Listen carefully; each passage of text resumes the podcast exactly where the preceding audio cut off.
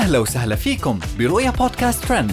كل إشي بتحتاجوا تعرفوه عن آخر أخبار النجوم والمشاهير وأهم ترند صدر لهذا الأسبوع.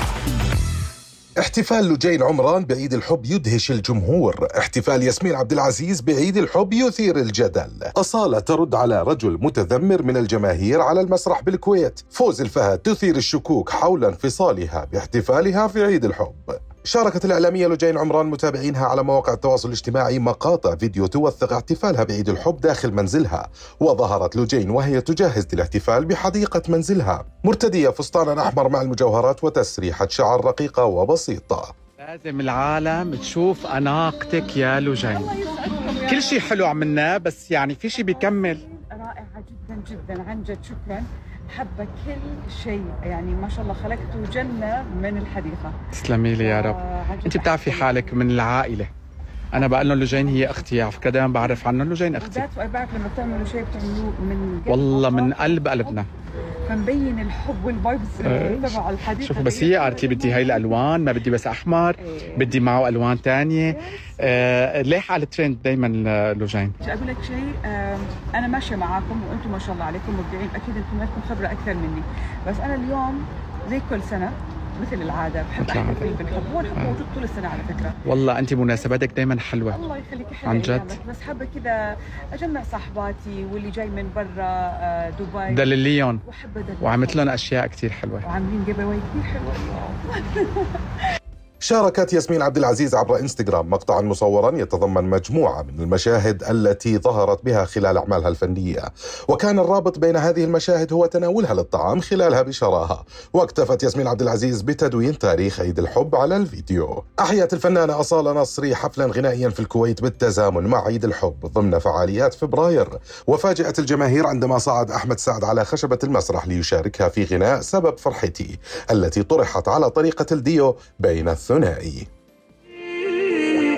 انت اللي بيك أحلى وعمري ومهما يجري. أنا بلقى كل حلول مشاكلي لما بس بشوف عينيك أنا كنت مين قبل ما أشوف يعني انت جاي مخصوص لهالغنية عم تطلبها من أول الحفلة؟ وأنا بقول هلأ بينبسط بالغنية اللي اخترت له إياها وما عم تعجبك. ما خليت لك خليجي غنيت لك سوري غنيت لك لبناني غنيت لك مصري غنيت لك. ماشي. شوف لك غير مش هتحمل معاك انت عايز لك حد يضحي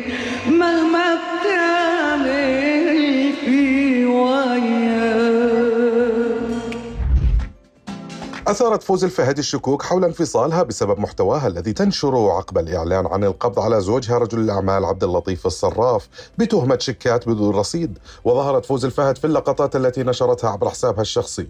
تارة ترقص مع أبنائها وتارة أخرى تروج لمنتجات دكتورة خلود. كما ظهرت في لقطة أخرى من داخل سيارتها تستعرض أناقتها واحتفلت بعيد الحب رفقة صديقاتها نورة العميري دون التطرق للحديث عن أمر زوجها. مو لأن انت مرة وريال.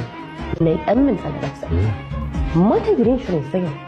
ما تدرين شنو الحياة شلون تقدر بلحظة تتغير كل شيء. وهاي كانت أهم أخبارنا لليوم. بنشوفكم الحلقة الجاي. رؤيا بودكاست.